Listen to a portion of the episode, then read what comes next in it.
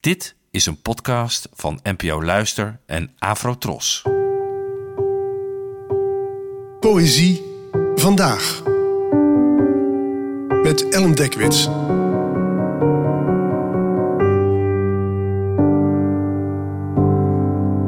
Hallo, fijn dat je luistert.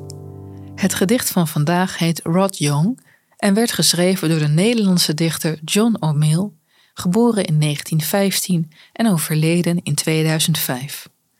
Rod Young. A terrible infant called Peter sprinkled his bed with a jeter. His father got woest, got hold of a knoest and gave him a peck on his meter. Gedichten hoeven, zo weten we inmiddels, niet altijd bloedserieus te zijn. Sterker nog, met poëzie kan je de dubbele bodems van de taal vieren en er ook nog eens flink om lachen.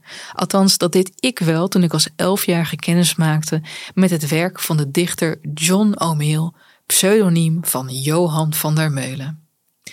Ik had op die leeftijd nog niet echt wat met poëzie die voor volwassenen was geschreven, maar de grappige versen van bijvoorbeeld Annie M. G. Schmid spraken me enorm aan. Vooral hoe ze met de verschillende betekenissen van woorden speelden.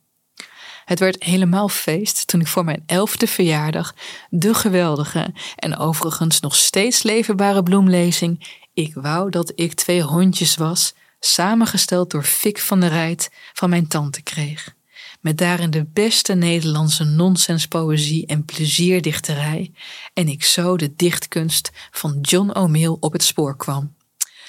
John O'Mill was docent Engels en hij had er enorm veel lol in om Nederlandse uitspraken, gezegden en woorden letterlijk om te zetten naar het Engels, vaak geïnspireerd door alle taalblunders van zijn leerlingen. Ik kan me zo voorstellen dat hij erg zou hebben genoten van het Engels van Louis van Gaal tijdens het afgelopen WK.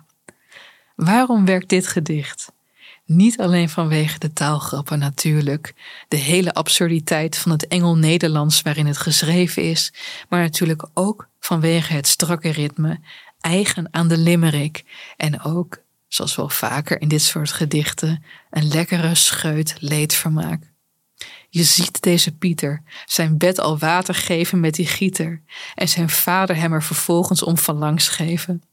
Ik kan bijna 30 jaar na dato nog steeds enorm hierom lachen en er zijn maar weinig teksten wiens humor voor mij zo oneindig houdbaar zijn als die van John O'Mill.